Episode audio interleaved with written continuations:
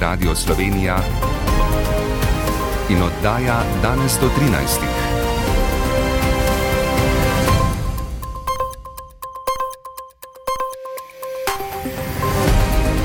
Ura je 13. Dobar dan. Stavkovnemu valu pri nas so se danes pridružili operaterji številke 112, ki med drugim zahtevajo više plače. Ne zahtevamo dosti, ampak zahtevamo pa res tisto, da bomo primerljivi tudi z drugimi službami, ne, ki delajo enako delo in so dosti boljše plačene od nas. Tako vodja Mariborskega regijskega centra za obveščanje Dejan Kosi. Ob tem zagotavljajo, da kljub stavki številka za klice v sili deluje nemoteno. Več čez nekaj trenutkov v oddaji ne preslišite še. Pred meddržavnim sodiščem začetek postopka o delovanju Izraela na zasedenih palestinskih ozemljih. Brusel po smrti Navalnega za uvedbo novih sankcij proti Rusiji. Ekološka katastrofa zaradi izlitja gnojnice na kmetiji na Studencu pri Postojni. Popovdne mogoče posamezne plohe, jutri razjasnitev. Z vami sva Jure Franko in Katja Kotnik. Operaterji številke 112 so danes, kot rečeno, začeli stavko. Med drugim zahtevajo sistematizacijo novega delovnega mesta dispečer v centru za obveščanje, uvrstitev ustrezne plačne razrede in ureditev kolektivne pogodbe. Stavko, kot povdarjajo, ne želijo škoditi ljudem, zato bo številka za klic v sili še naprej delovala nemoteno. Mariborski regijski centr za obveščanje je obiskala Katarina Klepčernejšek. V Mariborskem regijskem centru je skupaj z vodjo zaposlenih deset operaterjev. Štirje so tik pred upokojitvijo ali že izpolnjujejo pogoje za njo, še trije so na plačnem razredu pod minimalno plačo. Kadrovsko so podhranjeni, nadomestila za aprila lani upokojenega sodelavca pa še niso našli, pravi vodja centra Dejan Kosi. Ker delovno mesto ni enostavno, je stresno, morate vedeti, da lahko to i prije do 500 klicov na uro in narava klicev so vsi taki, da vedno nešče neko moč potrebuje. Pomankljiva je tudi delovna oprema. Se je opozarjalo, da nam ne deluje ta oprema, ne deluje ona oprema zaradi tistega kibernetskega napada. Zdaj pa je ta zadeva izbila sodo dno. Ne glede na stavko, zagotavlja sogovornik, bo pomoč ljudem v stiski še naprej nemotena in takojšnja. Stavka je, ampak delo bo potekalo nemoteno. Mogoče pa bodo kakšne težave, glede na stavko, pri kakšni administrativni zadeva, pošiljene bilteno bolj skopi. Stavko zahtevajo ureditev kolektivne pogodbe, predvsem pa višje oziroma primerljivo plačilo za delo, ki ga upravljajo. Ne zahtevamo dosti, ampak zahtevamo pa res tisto, da bomo primerljivi tudi z drugimi službami, ne, ki delajo enako delo in so dosti boljše plačene od nas. Za prekinitev stavke od vlade pričakujejo konkretne rešitve, dodaja predsednik sindikata Ministrstva za obrambo Marjan Lah. Mislim, da niso nič ponudili takega, kar bi pripričalo operaterje, da vendarle bi lahko to peljalo k podpisu morebitnega stavkovnega sporazuma. Pogajanja o stavkovnih zahtevah se bodo nadaljevala v sredo. Pokojnine, ki bodo nakazane konec meseca, bodo še za nič celih šest odstotka više, je odločil svet pokojninskega zavoda.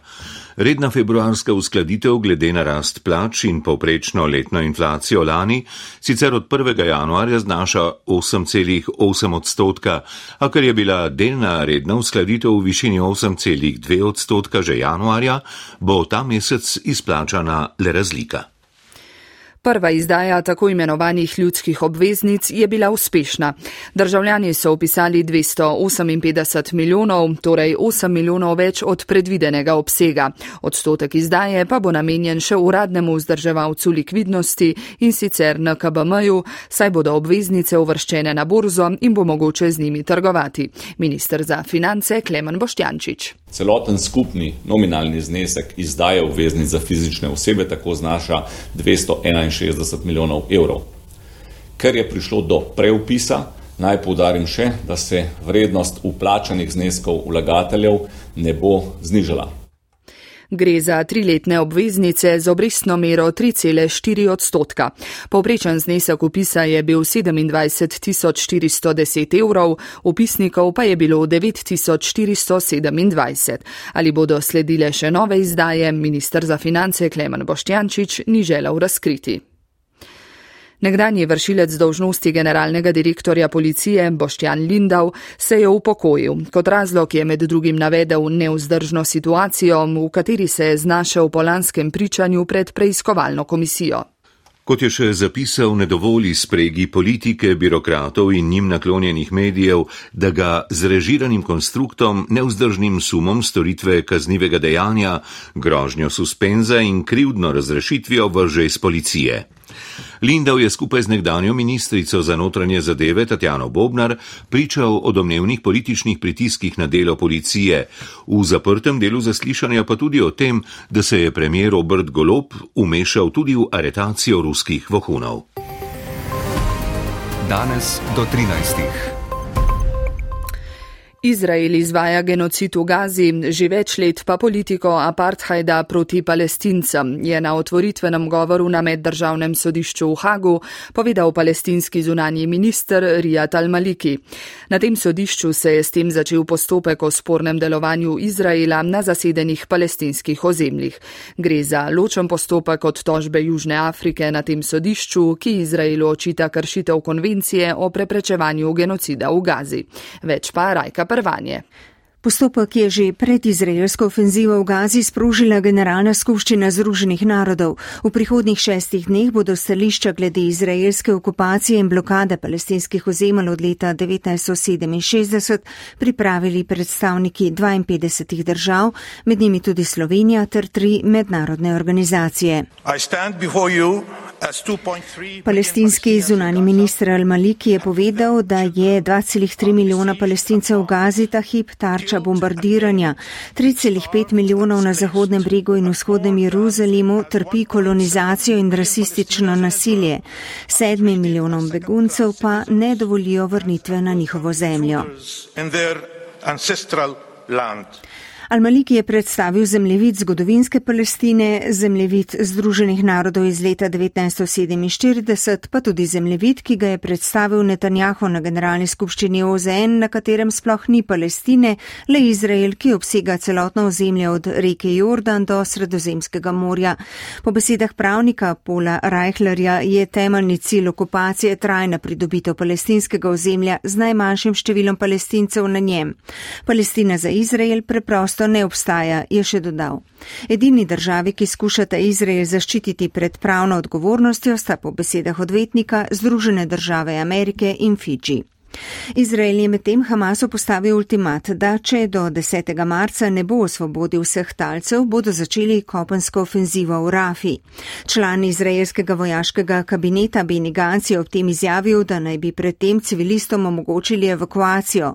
Po podatkih BBC-a se je v to mesto sicer zateklo že 1,5 milijona od 2,3 milijona palestincev, zato ima lahko vsakršna vojaška aktivnost tam katastrofalne posledice. V Bruslju poteka zasedanje zunanjih ministrov članic Evropske unije, na katerem so že uradno vzpostavili Evropsko pomorsko misijo Aspides za varovanje trgovski ladi v Rdečem morju pred napadi hudijevcev. Srečanje sicer zaznamuje smrt glavnega Putinovega političnega nasprotnika Alekseja Navalnega. Zbrane je nagovorila udova Julija Navalna, ki je pozvala k boju proti ruskemu režimu. Številni ministri so se zaradi smrti Navalnega zauzeli za uvedbo novih sankcij proti Rusiji. Nemčija je ob tem na zagovor pozvala ruskega veleposlanika. Po mnenju visokega predstavnika Unije za zunanjo politiko Josepa Borela morajo danes poslati tudi močno politično sporočilo podpore ruski opoziciji. Napovedal je tudi simbolen korak. To, Iz spoštovanja in v njegov spomin bomo ministrom predlagali, da se naš evropski režim za kaznovanje kršitev človekovih pravic poimenuje po Navalnem, tako da bo njegovo ime za večno povezano z evropskim branjenjem človekovih pravic. Ruske oblasti so odziv Zahoda na smrt ruskega opozicijskega voditelja Alekseja Navalnega označile za nesprejemljiv, a ob tem povdarile, da ne bo škodoval ruskemu predsedniku Vladimirju Putinu. Materi Navalnega sicer tretji dan po njegovi smrti ne dovolijo videti sinovega trupla, čež da preiskava še poteka. Predsednica Evropske komisije Ursula von der Leyen je na srečanju Krščanske demokratske zveze v Berlinu sporočila, da se bo potegovala za drugi mandat na vrhu izvršilnega organa Evropske unije. V stranki so ji že izrekli podporo.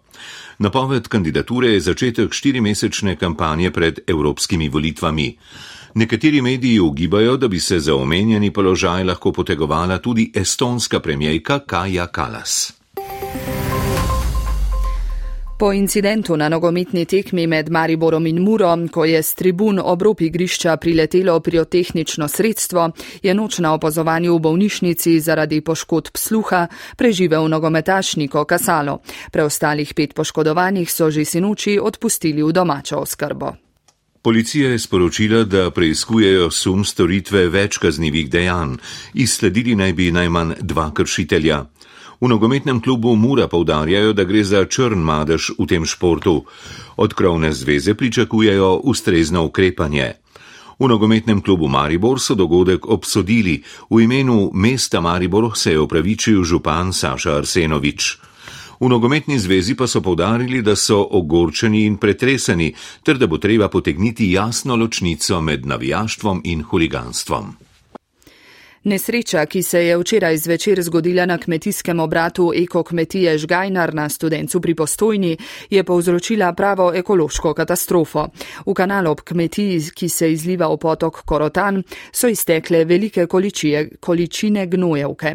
Le streljaj više je vodno zajetje, ki je vključeno v sistem oskrbe z vodo za postojno in pivko, vendar to za zdaj še ni ogroženo.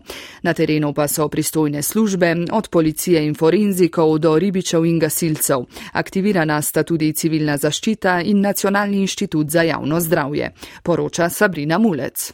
Poveljnik civilne zaščite za notransko Sandi Curk je zaenkrat skop v izjavah, saj dogajanje še ni razjasnjeno. V včerajšnjem dogodku je prišlo do poškodbe na silosu.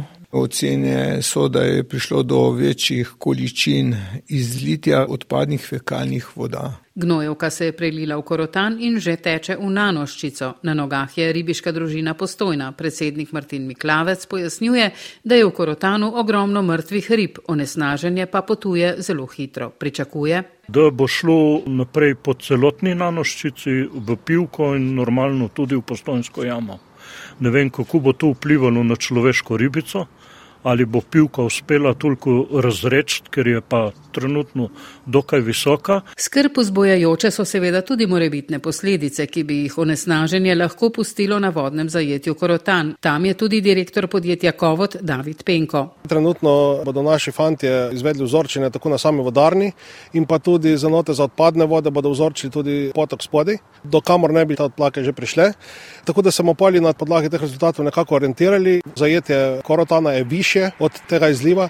Tako da ne pričakujemo, da bo voda tam prišla, ker imamo precej nizek vodostaj. Če pa slučajno bi kaj te vode prišlo, imamo pa tudi ultrafiltracijo, ki ne bi te zadeve odstranila. Opozarja naj ljudje v bližini ne uporabljajo vode iz malih vrtin, izlitje pa naj ne bi vplivalo na kakovost pitne vode v malnih. Nesreča je gotovo novo opozorilo, da se kaj podobnega lahko pripeti tudi na področju drugih dejavnosti, ki se odvijajo na nepredvidljivem kraškem območju. Za šolarje iz osrednje in zahodne Slovenije so se začele zimske počitnice. Društva in občine so pripravili pester izbor dejavnosti in programov. Takole so se dogajanja med počitnicami razveselili na primorskem. Mi režemo zdaj jabolke, potem bomo naredili jabolčni štrudel. Tukaj mi je lepo zato, ker se igram s prijatelji. Delamo pa zabavne stvari. Mogoče danes gremo na sprehod ali pa bomo imeli telovadbo. Več o reportaži iz počitnic pa v odaji po Sloveniji, ki bo čez nekaj minut na prvem. V odaji boste med drugim izvedeli, da v zdravstvenem domu Koper zagotavljajo, da bodo poskrbeli za pacijente, ki so ostali brez družinske zdravnice v pobegih. Slišali boste tudi o skrbih sosedov tovarne papirja Vipa po Krškem, ki opozarjajo na več tednov trajajoč neprijeten in dražeč von, pa tudi o boju za obstanek malih trgovin na podeželju. Vabimo vas še k poslušanju športnih minut pridružil se nam bo Aljaš Golčer. Hvala za pozornost in lepo popovdne.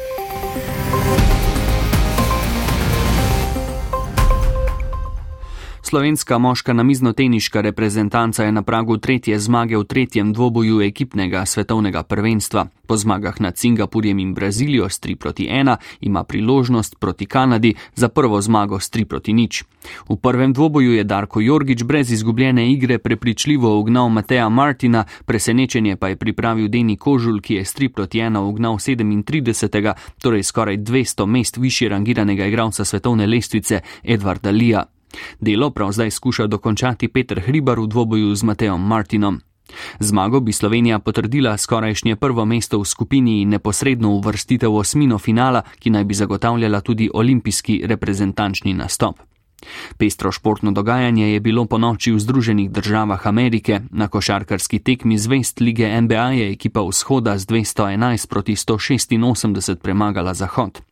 Prvič v zgodovini je kateri od ekip uspelo preseči mejo 200 točk, največ 39 jih je dosegel Damien Lillard. Luka Dončić je na tekmi zvest nastopil petič, četrtič je bil začetni peterki ekipe Zahoda. Na obračunu, ki ga zaznamuje predvsem zabava, je dosegel 7 točk ter prav toliko skokov in podaj. V severnoameriški hokejski ligi NHL pa so Los Angeles Kings to noč z 2 proti 1 premagali Pittsburgh na dan, ko so pingvini v dvorani upokojili dres legendarnega češkega hokejista Jaromira Jagra. Kopitar je k zmagi kraljev prispeval podajo.